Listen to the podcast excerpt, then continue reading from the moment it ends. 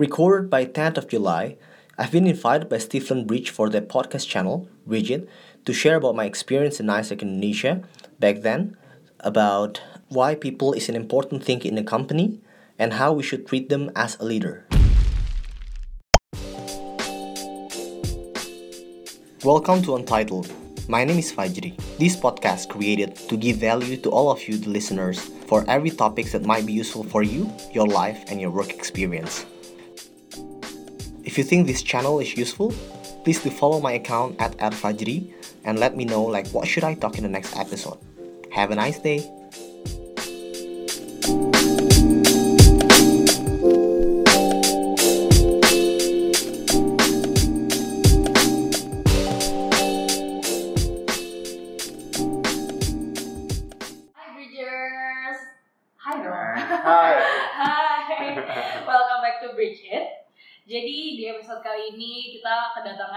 Tamu nih, special Spesial. guest, really really The special first, guest. our, uh, our first guest Iya nih. bener banget. Siapa nih kak? Ya, jadi hari ini kita kedatangan tamu spesial pertama kali nih. Mhm. Uh, give big round of applause. Wih. Oh Rahmat Fajri. Halo. Hai Bridgers ya panggilannya. Iya. Ini kayaknya nama Rahmat Fajri udah terkenal banget nih Waduh, waduh, di waduh, Indonesia. Network kayaknya. Gila, gila, gila, gila. Mungkin ada beberapa apa pendengar kita yang belum kenal sama lo, jadi boleh nggak lo cerita sedikit gitu kayak uh, sibuk apa sekarang, a bit of your background. Iya. gitu. Dan siapakah anda? Oke, mungkin a bit ya, nanti mungkin bisa dieksplor lagi. Uh, so far, uh, hi, Bridgers, nama aku Fajri.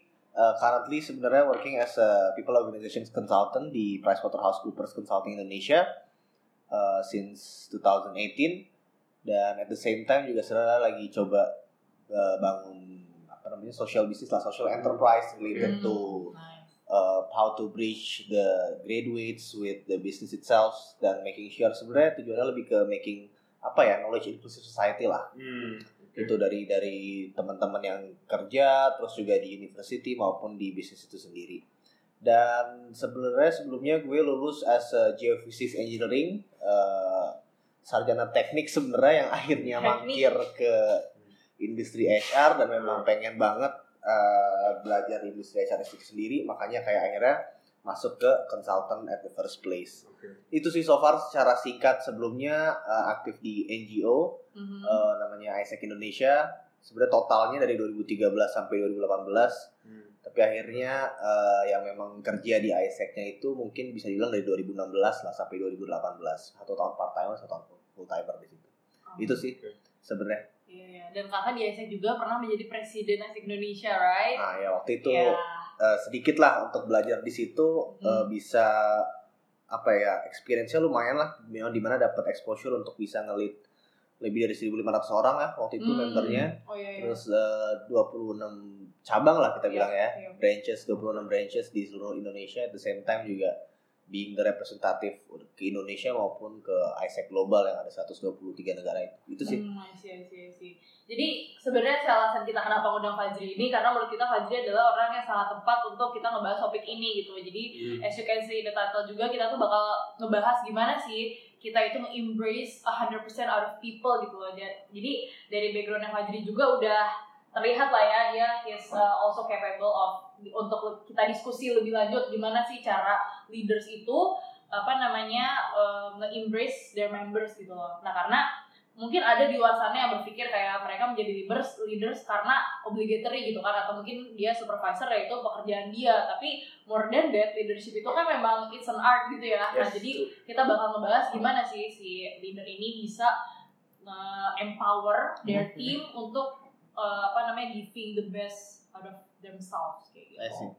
Mhm. Apa untuk pertanyaan apa pertanyaan pertama nih jadi itu kan tadi lu udah cerita ya soal lu sempet di AISA Ya, ya, ya. gitu terus kayak ada Hmm. 26 branches di luar sana gitu terus membernya seribu lebih ya Hmm. gitu terus sekarang akhirnya lu memang berkarir di area people development Ya. uh, as a consultant tadi itu gitu terus kayak how do you, how do you see yourself as a in terms of managing people gitu uh, could you please please share a bit gitu kayak gimana sih pengalaman lu tentang ngelit orang tuh kayak challenge-nya apa terus apalagi sekarang kan lu as a consultant udah lebih tahu gitu kan broader picture itu sebenarnya kayak gimana Ya. gitu jadi kayak so was already good dan apa yang pernah lu kerjain di area tersebut sih gitu Eh, challenges ya kalau Hmm. kita bilang challenges sebenarnya eh, macam-macam sih gue akan mulai sebenarnya dari prinsipalnya dulu kayak Hmm. realizing kalau misalnya setiap orang itu beda ya. Hmm. dan itu yang memang selalu gue value kalau misalnya setiap orang uh, with each histories itu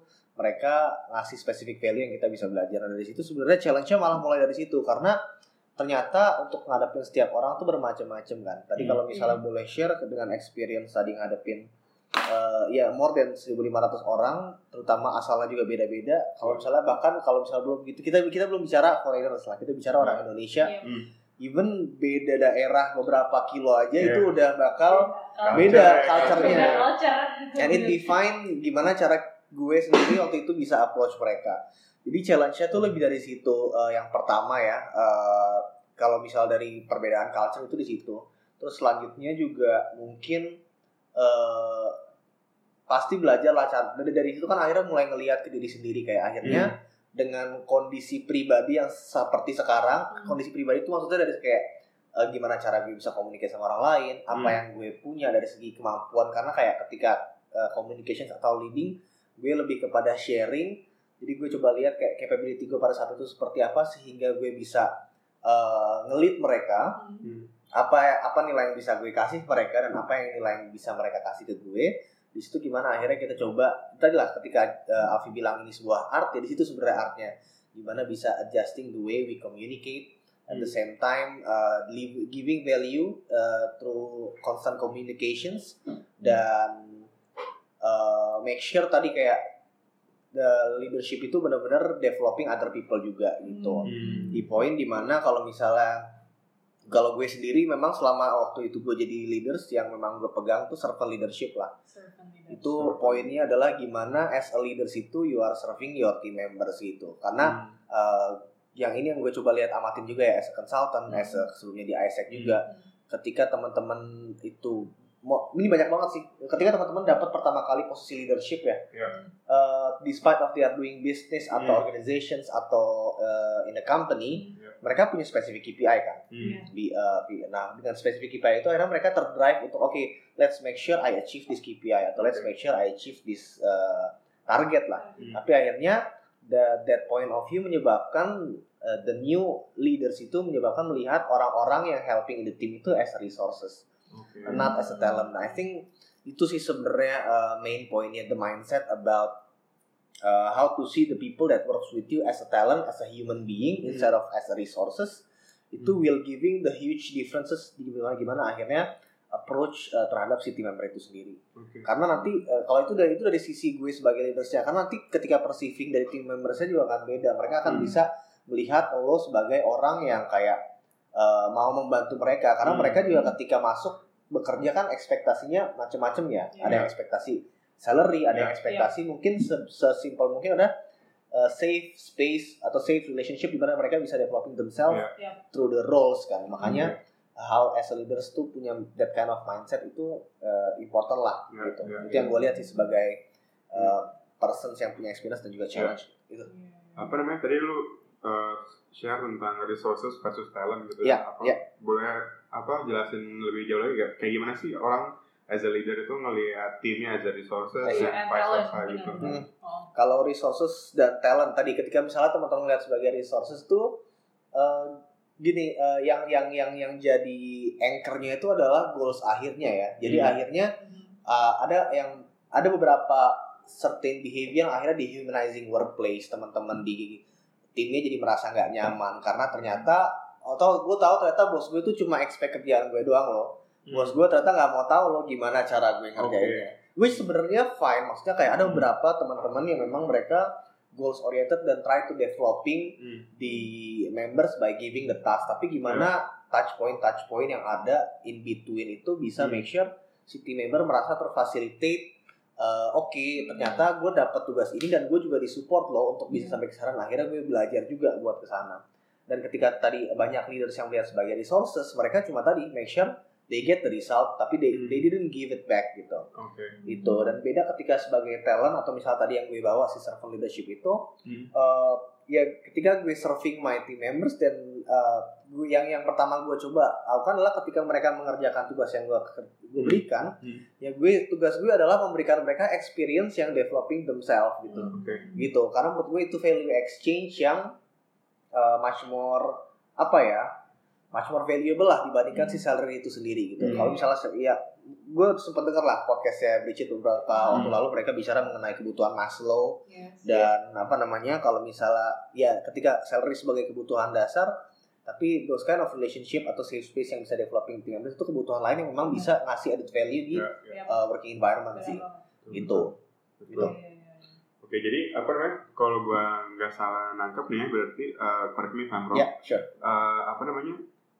The way we see resources versus talent ini more into how we have a uh, relationship with our team gitu ya berarti yang yang yes yang, yang lebih mau uh, lu emphasize gitu ya. Jadi Yes. kayak kalau misalkan tadi re- resources tuh ya ya udah lu kerjain aja gue nggak mau tahu gimana caranya Betul. gitu lu jalanin gitu tapi ketika you see your your team as a as a talent as a talent gitu berarti kayak uh, walaupun itu goals oriented juga tapi kayak you do care how gimana uh, caranya buat nyampe ke Ya. si goals itu sendiri gitu ya berarti ya kalau misalnya gue boleh tambahin mungkin dari relationship sendiri uh, dari gue juga coba ngelihat uh, Hmm. dari point of view sebagai consultant kayak Hmm. uh, ada dua nih sebenarnya. Hmm. kalau misalnya relationship itu ada yang akhirnya satu formalized by apa ya namanya ya team culture yang dibuat dari company itu sendiri Ya. mereka udah ada beberapa touch point lah untuk Oke. punya fasilitas Hmm. itu untuk Hmm. company atau teman-teman yang punya usaha yang udah setting itu as a governance di Ya, company-nya that would be nice lah Hmm. maksud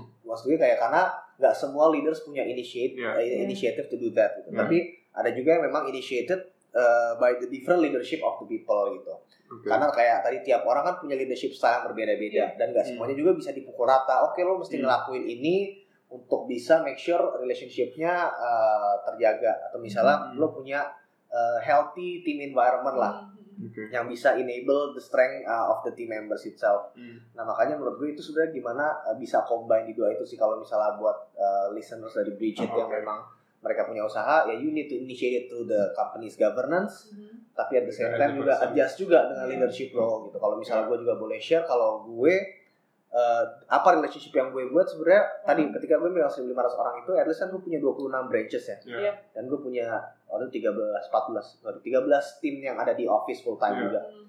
Eh, as simple as gue make sure setiap sebulan sekali tuh gue allocate waktu buat yang full time tuh satu jam, Hmm. buat yang di branches itu paling enggak eh, setengah jam untuk having virtual call. Hmm. Itu gue having one on one conversations Hmm. yang gue di situ even gue gue kalau misalnya gue bisa bagi gue bakal mencakup tiga part lah. Yang pertama gue part mengenai personal. Hmm. jadi kayak personal development. Karena waktu itu gue ketika gue di NGO kan mereka nggak dibayar ya? Ya. Iya. Uh, jadi kayak yang gue lihat value exchange yang paling powerful adalah ya their personal development sama Ya. relationship yang dibuild. Jadi Ya, gue gue selalu uh, ensure personal things to cover maksudnya personal development mereka gimana posisi mereka tuh align dengan apa goals mereka dan lain-lain gue juga cover professional juga kayak how do they did their task for the past one month Hmm. What did you learn you did good from it uh, Oke. what you can improve from it gitu Yes. uh, even di situ juga gue tanya kayak uh, how can I serve you better as your team Hmm. leader Hmm. Oke. jadi kayak uh, apa namanya bagian personal ke cover bagian professional ke cover cuman ada satu part sih yang menurut gue juga lebih ke ciri khas as a leader juga yang Hmm. yang gue selalu uh, suarakan juga kalau misalnya gue bersosial media kayak how as a team leader juga need to be vulnerable to your team member gitu. Hmm. jadi gue selalu provide part vulnerability simply gue ask ini memang nggak applies buat semua cuma waktu gue Yeah. tanya Yeah. kayak uh, if you can ask anything about me that I can answer everything about it so what will it be jadi mereka bisa tahu kayak who I, who I am as their leaders dan Yeah. kayak ketika gue mau serve them better mereka udah kenal dan mereka dan uh, apa namanya ya uh, informal barrier atau tembok antara tim dan tim member jadi lebih uh, cair lah ya, menurut ya. gue that will really support um, uh, in the way I lead my team. Tapi itu Oke. gue dari leadershipnya gue yang tadi gue bilang kayak Oke. tiap orang beda-beda lah. Ya, ya, ya. Gitu. Tapi resultnya gimana tuh? Kayak you do like uh, one on one kali itu kayak virtual call dengan personal dan yang tadi ciri khas Ya. lo yang Hah. apa namanya asking anything apakah Hmm. itu memang benar hasilnya mereka engagementnya gimana dari pekerjaan gimana atau you don't see any significance? Sebenarnya the most part tadi ketika gue udah buka that space, uh, yang pertama mereka tahu lah they can rely on me in terms of uh, kayak dia dari dari vulnerable space juga gue kan selalu bilang kayak as a team leader I didn't know about everything that you are doing gitu kayak Hmm. I'm having you as my team karena gue tahu you are doing good in that part Hmm. gitu kan. Uh, dan the way I doing this one on one adalah to serve you in your experience jadi kayak you know that I I will be around to challenge you with your perspective and your point of view Hmm. Uh, jadi dengan conversation itu juga mereka juga lebih cair dan kayak ketika ke depannya selama sebulan ke depan mereka ada problems dan mereka mau share uh, mereka simply bisa comes to me anytime without uh, kayak tanpa berpikir mereka akan dijudge Yeah. aduh gue bego nih aduh gue nggak ngerti nih kayak Yeah, gitu yeah, yeah, gitu yeah. sih jadi space itu tuh gue buat sebenarnya semerta-merta untuk ya tadi that kind of uh, environment yang gue create di works uh, untuk supaya lebih nyaman lah Oke. untuk bekerja How is it contributing to the performance of the team? I think it's quite good lah kayak I can say overall bahkan uh, throughout the year karena kan kita yearly uh, performance review juga kan ya Yeah. Hmm. even even ternyata it turns out it, uh, we create like 28% growth annually gitu kan Wow. Uh, dan ya maksudnya ya gue merasa kayak achievement dari segi performa indirectly gue nggak gue nggak bisa gue nggak bisa jelasin sainsnya kenapa Yeah. goes Yeah, tapi I can say kayak uh, it's indirectly contribute to overall performance dan moreover sebenarnya yang paling penting relationship habis itulah Hmm. Uh, I think it uh, for me it's also my investment juga uh, by giving myself to my team members karena gue nggak tahu kayak uh, mungkin kayak kayak misalnya beberapa waktu lalu uh, as a consultant I need some support dari segi perspektif dari Yeah. temen gue yang let's say kerja di industri lain so uh, it will be much more uh, good lah Yeah. karena environmentnya lebih Easier nyaman juga ya, easier to catch. to catch karena kita udah sama-sama tahu personally kita tahu we can support each other in specific way Okay. that is uniquely with uh, each of the persons jadi itu jadi investment lah buat gue Yeah. gitu. Oke, jadi buat long term Sure. banget ya yes relationship betul gitu. Tapi ini kan uh, Fajri udah selesai ya uh, apa presiden Inovasi Indonesia Iya, udah selesai iya, nih iya. sekarang udah udah di konsultan Iya. gitu kan dengan tadi nge-implement si you see your uh, team as a resource not only a talent dan dan tadi conduct- conducting like one on one and such thing Hmm. setelah selesai tuh semua experience itu how how do you see your term gitu loh gimana sih kakak ngeliat apa namanya how do you find the success gitu of your of your term gitu sebenarnya akhirnya teman-teman di uh, ISEC waktu itu dan di NGO waktu itu yang ketika setelah selesai mereka bisa melihat lah kayak yang yang melekat yang mengenai tahun itu sebenarnya teman-teman mengenal Fajri as a server leaders lah Hmm. itu yang yang yang kayak selalu disebut-sebut dan gitu ya tetapi makna di, di dalam itu kayak in the end it's all about the people gitu wherever you work it's all about the people it's how you understand them as a person uh, dan kayak everything the business that you are doing if you see people as a people not as a resource Yeah. Uh, it will create much differences lah dari segi Hmm. impact yang bakal dihasilin gitu Hmm. atau dari proses yang akan dilewatin akan lebih mudah gitu Okay. yang uh, ya kalau gue boleh sharing bahkan sampai sekarang pun sangat-sangat ini ya sangat-sangat impactful maksud gue kayak uh, as a consultant I I met a lot of different people with different background lah Hmm. dari orang di pasar Yeah. sampai uh, pejabat pemerintahan Hmm. uh, dan banyak lainnya dan di situ malah kayak by seeing people is different with their backgrounds Hmm. dan treating them uniquely ya it, it it support me like much more easier to achieve the goals sih Oke. Hmm. Oke. itu Jadi lu lebih gampang to communicate any Hmm. kind of uh, new challenges or yes new goals yang lu pengen dapat gitu ya Yeah. ketika lu emang punya close relationship with your team lah gitu kurang Yeah. lebih gitu ya Yeah. apa highlightnya gitu ya. Oke, apa namanya? Let's go to your uh, your work as a consultant Yeah. gitu. Mm. Kalau tadi lu udah nyinggung sedikit ada ada benefitnya ternyata gitu ketika Yeah. lu emang udah biasa jadi servant leadership as you said itu jadi ternyata lu to collecting information itu is easier for you gitu Hmm. buat dapat new insight dan segala macamnya gitu. Tapi boleh nggak nih kayak apa namanya cerita di case-case apa sih biasanya yang yang yang kejadian gitu di da- dari klien lu gitu atau dari pengalaman lu ketika lu menjadi konsultan yang memang menjadi uh, common ini kali ya common issue gitu uh, terkait sama managing team ini sendiri gitu. Mhm. Iya.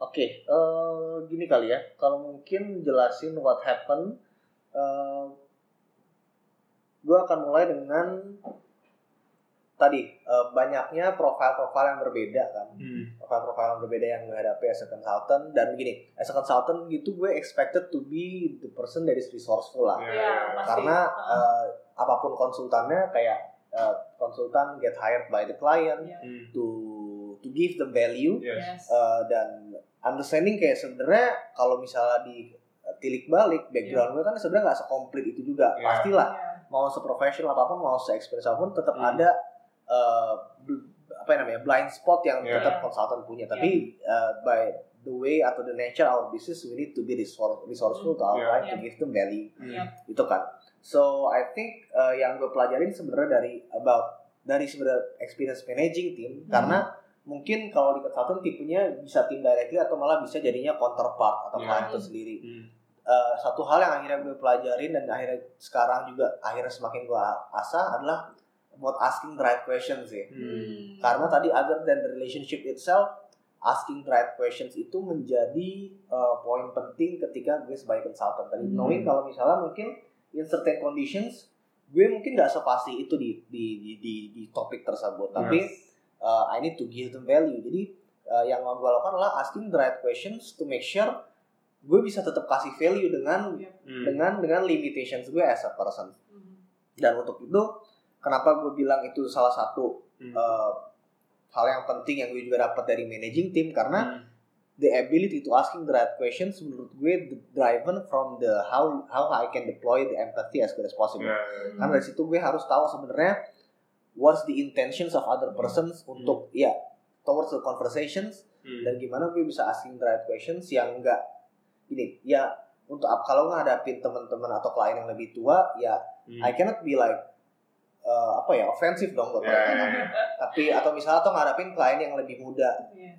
dan at the same time posisi mereka sebagai klien kan gue nggak bisa underestimate mereka Iya, juga. Iya. Iya. Jadi asking the right question is not only about the question itself tapi Mhm. juga the how I can ask the questions. Hmm. Yang itu menurut gue impacted so much dengan the way uh, you experience you asking the right questions to your team members in the Hmm. process gitu. Oke. Yang teman-teman mungkin kalau misalnya mau belajar ya ketika teman-teman udah punya Hmm. team member uh, somehow ketika kalian ngasih tugas pasti kan approach-nya juga harus berbeda. Kadang-kadang lo mesti directing, kadang-kadang lo mesti teaching juga. Iya. Cuma if you are trying to asking the right questions to them ketika uh, delivering atau ngasih tugas, I Hmm. think it will be developing them so much.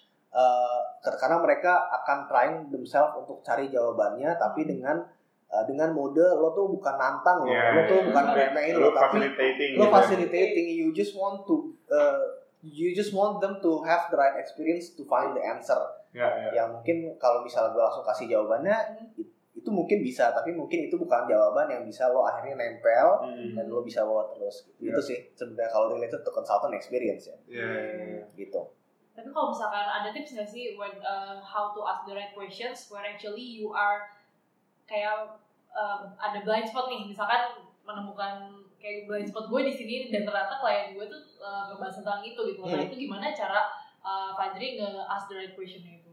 sebenarnya beberapa kayak kalau misalnya asking that questions dari segi terms yang gue nggak paham Iya. Hmm, iya. itu simply Gimana? kayak ask aja be honest menurut gue Iya, iya. be honest itu akan lebih much more appreciated Betul. compare tuh kayak gue gue tahu nih Oh, kayaknya oh, itu kayak so tau gitu ya. dan ternyata kliennya akan nemuin ah ternyata nih orang Nggak paham sebenarnya gitu. Oh, jadi mendingan uh, jujur aja gitu ya. jujur kayak asking tapi kayak ya itu ini itu apa sih kayak gitu jadi Iya. kayak akhirnya mereka akan menjelaskan oh dan akhirnya bisa tahu lebih tahu konteksnya kan akhirnya Iya, untuk iya, nanya iya. ke pertanyaan selanjutnya akan lebih connected Oh. tapi kalau misalnya ada tanda tadi yang gue bilang dengan empathy adalah understand the intentions maksudnya Iya. tiap dari eh, orang nah, gue nggak Hmm. bilang specifically klien kayak orang ketika misalnya ngomong sama kita adalah kita kita harusnya dengan kita coba berempati kita bisa tahu kayak sebenarnya intentionnya apa ya Iya, iya. apakah ini orang sebenarnya want to get to know something from Iya. me atau Hmm. misalnya Just challenging this me. challenge atau malah mungkin mereka cuma pengen dengerin itu Yeah, sih kadang-kadang yeah, gitu yeah. jadi malah kadang-kadang asking the right questions you didn't need to ask the questions Hmm. you just need to give like note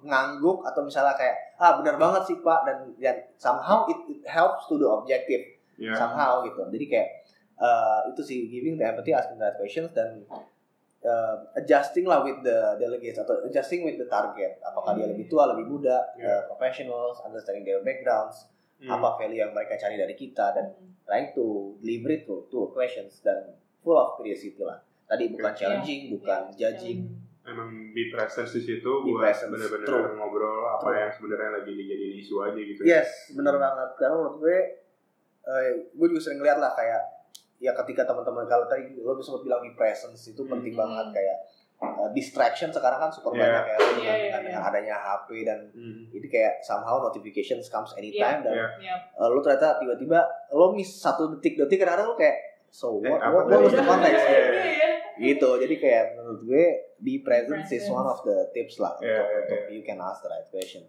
Oh. Ada nggak jadi apa namanya kayak eh, mungkin biar eh, teman-teman kita bisa belajar juga gitu kayak eh, how can we identify whether it is the right question or not Iya. the, the the right question gitu. Mhm. Terus gue in terms of uh, pengen ngasahnya kadang-kadang karena menurut gue ini skill ya bukan Ya. bukan, bukan Iya. cuman kayak naturally akan datang benar. di lu tapi it is a skill lah menurut gue jadi uh, sebenarnya how, how can we identify whether we are asking the right question or not kalau mungkin identify-nya ini dari point of view gue ya Ya, Gue- dan dari practice pengalaman lu ya Iya. dari practice gue sendiri mungkin lebih kayak yang pertama whether the questions is reaching my objective of asking the question atau enggak jadi kayak Mhm. asking the right questions ketika kita melihat intentionnya tapi make sure juga ketika nanya ketika gue nanya I'm asking with inten- intentions juga Ya, gitu kan Iya. Jadi making sure apakah goals gue tercapai dari situ gitu kan yang kedua Hmm. how much the information that I can get gitu Hmm. ketika memang ternyata jawabannya yes or no for sure it's not the right question Ya, gitu. ya, ya. kayak Iya. you need to have more high quality questions to get to know uh, more apalah Hmm. uh, intentionnya itu kan ya yes or no juga kadang-kadang juga bisa kalau memang ternyata objektifnya cuma Iya. yes or no doang tapi Mhm. uh, how much the information that you can get from the questions sama yang ketiga mungkin kayak um, ini agak-agak intangible cuman the impressions yang didapat dari asking that questions Iya. gitu. Kayak gue akan bisa ngelihat kayak whether uh, counterpart gue atau lawan bicara gue ketika gue asking the questions mereka merasa kayak oh yes this is a good question. Atau misalnya kayak ya gitu doang. Kayak gitu loh. Jadi akan akan akan kelihatan ketika uh, impressions yang dikasih dari mereka ke dia dia akan menjadi respect atau jadi merasa kayak offended atau Iya. Mhm. menjadi uh, respect Ya. itu akan akan akan terlihat dari Iya. the Hmm. questions that we ask to them gitu Oke. Jadi itu sih Jadi kalau lu bilang berarti ada uh, pertama we, we should set our intention berarti ya tadi gitu kayak emang beneran pengen tahu nih gitu Iya. maksudnya Iya. pengen ngajak explore lebih jauh gitu Iya. ya berarti ya. True. Terus yang kedua ada uh, whether our question uh, whether the answer is uh, helps us to get into our objective Iya, apa enggak true, gitu tadi true. kan gitu. Sama yang ketiga tadi lu bilang soal yes no question apa yes no answer tuh ya berarti itu ya. open open end questions lah Iya. Open, iya. So it should be an open-ended question Iya, berarti true. lebih kayak gitu ya. Jadi ada tiga ada itu ya gitu. Oke, apa namanya? Mungkin Ibu. Eh, iya, aku mau nanya sih penasaran. Jadi kan eh, tadi eh Fajri sempat mention juga untuk kayak kalau pas dulu di NGO sih sebenarnya itu kan kayak ada one-one gitu. Nah tapi ini kan kita we're talking in professional workplace gitu lah ya. Is it still kayak masih berlaku nggak sih kayak untuk di professional workplace itu apakah we should conduct kayak one on one dari supervisor ke membernya atau gimana sih? Sebenarnya kalau. Hmm, harus atau enggak sebenarnya ya gue dengan dengan experience gue gue sangat sangat menganjurkan lah ya Hmm. tadi apakah itu set up dengan company's governance Hmm. atau misalnya you initiated as a leaders Mhm. uh, tapi I think it's it's it's a mandatory lah Hmm. Tuh, karena gini in the end ya kalau gue coba memposisikan diri gue lah sebagai orang yang misalnya baru masuk kerja atau baru Hmm, masuk iya. ke suatu Iya. company gitu kayak ketika bos gue lewat tuh gue merasa kayak wow ini orang keren banget Ya. so Iya, so, so Bridges bisa imagine kalau misalnya ternyata kayak you get a chance either it's like 10 minutes 15 Hmm. minutes Iya. to have a conversations with him or Yeah. her Hmm. it will be like a, an experience that can build up your confidence so Yes, much right yes, nah yes. kalau misalnya Bridges sebagai leaders coba ngelihat dari posisi itu. Hmm. You just need to spend 10 until 15 minutes probably like setup mungkin kalau misalnya employee lo punya 20 Ya. mungkin berarti lo setup sekitar 200 menit atau Hmm. ya Iya. segitu lah 300 menit kali bagi 60 let's say 5 jam lah Hmm. dalam waktu satu bulan untuk simply uh, like having conversations with your team members like imagine like what how how much confidence that you build to them in order for them to be more productive to do Yeah. the jobs that you have atau to do the targets that you are setting together gitu Hmm. jadi menurut gue impactnya itu lebih ke sana sih Iya. uh, those those kind of space vulnerability sessions Yeah. di mana lo bisa get to know bahkan kayak recalling lagi ini Iya. anak sebenarnya masuk sini mau ngapain sih apakah Hmm. The way uh, I provide the uh, experience to the team atau to the company itu udah align belum sama yang mereka butuhin. Iya, iya. So no wonder kayak one day ketika mereka resign, uh, whether it's resigning for their goods atau Hmm. resigning because we didn't provide the right. Yes. uh, space for them Space. gitu. Yes, yes, Jadi keep evaluating ourselves from that juga bahkan bisa jadi input dan feedback buat kita as a leader juga. Hmm. Karena buat gue sendiri ya pribadi kayak leadership without feedback itu uh, ya it's nothing lah. Maksud Yep. gue kayak in the end you're, you're, you're leading something atau Yep. misalnya as, as a leader atau as a team leader you're leading something Iya. gitu. Ketika konteksnya bukan leading themselves ya. Iya, iya, iya. Berarti ini pas juga ya karena di episode kita sebelumnya kita pernah bahas tentang millennials yang cenderung untuk kayak pindah-pindah. Berarti dengan adanya ini bisa untuk mungkin mengurangi ya uh, intention mereka. Jadi Iya. kita kita bisa nge-track itu whether they develop di sini merasa ter-challenge atau enggak gitu ya. Bahkan menurut gue mungkin lebih bisa memahami lagi kayak Iya. secara di lapangannya seperti apa sih. Iya, Mau benar, apa, ada apa. maunya apa, Iya, ada apa gitu. Apakah ternyata uh, dari gaji yang gue kasih kurang, Iya. apakah ternyata Iya iya. uh, tempat kerjanya kurang fleksibel enough Benar, yang benar. mereka inform flexibility let's say kayak gitu jadi kayak lebih paham sebenarnya di lapangannya atau yang yang ada di tempat gue millennials yang jenis- jenisnya Iya. seperti apa sih Iya, benar. iya, iya. Jadi memang si one on one ini apa uh, based on your experience benar-benar bisa bantu dari sisi building chemistry. Kayak kayak- kayaknya itu yang paling apa namanya ya. uh, si si relationshipnya itu yang benar-benar ternyata uh, bisa beyond the performance ya ternyata ya ketika lu beneran punya good relationship with your team itu tadi ya. sure bigger picture-nya mungkin kalau misalnya dari segi company wide uh, itu menurut gue jadi satu space untuk transfer di organizational culture at the most intimate level ya Oke. Iya iya. Uh, jadi as a leader who represents the Yeah. value of the company, the Company. culture of the company, you can make sure through the conversations whether our employee atau misalnya our members is really uh, performing atau really doing the atau uh, kayak melakukan behavior yang udah kita set di awal. Yeah. And Yeah. setting at setting like giving the role modeling through the conversations that is happening through Mm. throughout the team members and team leaders, transmitting those behavior and those values with the conversations menurut gue itu salah satu space yang paling intimate Ya, lah ya, ya. gitu sih. Ya, ya, ya. I think we are a bit running out of time ya maksudnya terkait sama si konteks ini sebenarnya gue Iya, masih iya. pengen banyak banget ngobrol Sure. sama lu soal culture tadi lu Iya sih. akhirnya nyinggung Oh, culture Jadi ngomong gue culture. jadi pengen tahu juga gitu Karena omongannya jadi white banget ya karena Iya. yang ini speaker kita fruitful banget sih soalnya. Sourceful banget sih. Jadi kalau Buah, buah anggur. Buruan. maksudnya otaknya kayak Eh, gitu. Oke, apa namanya to conclude? Jadi mungkin apa do you have any uh, Sih. dari apa message atau kayak ini as a, our context is uh, embracing 100% of people tadi itu Hmm, kayak uh, so maybe you can share something related with your uh, leading 100 and eh, 1500 people dan juga kayak as your experience being a consultant right now. Iya, mungkin juga tips gimana sih untuk leaders out there Hmm. to like trigger or like empower their members to do their Hmm. best gitu.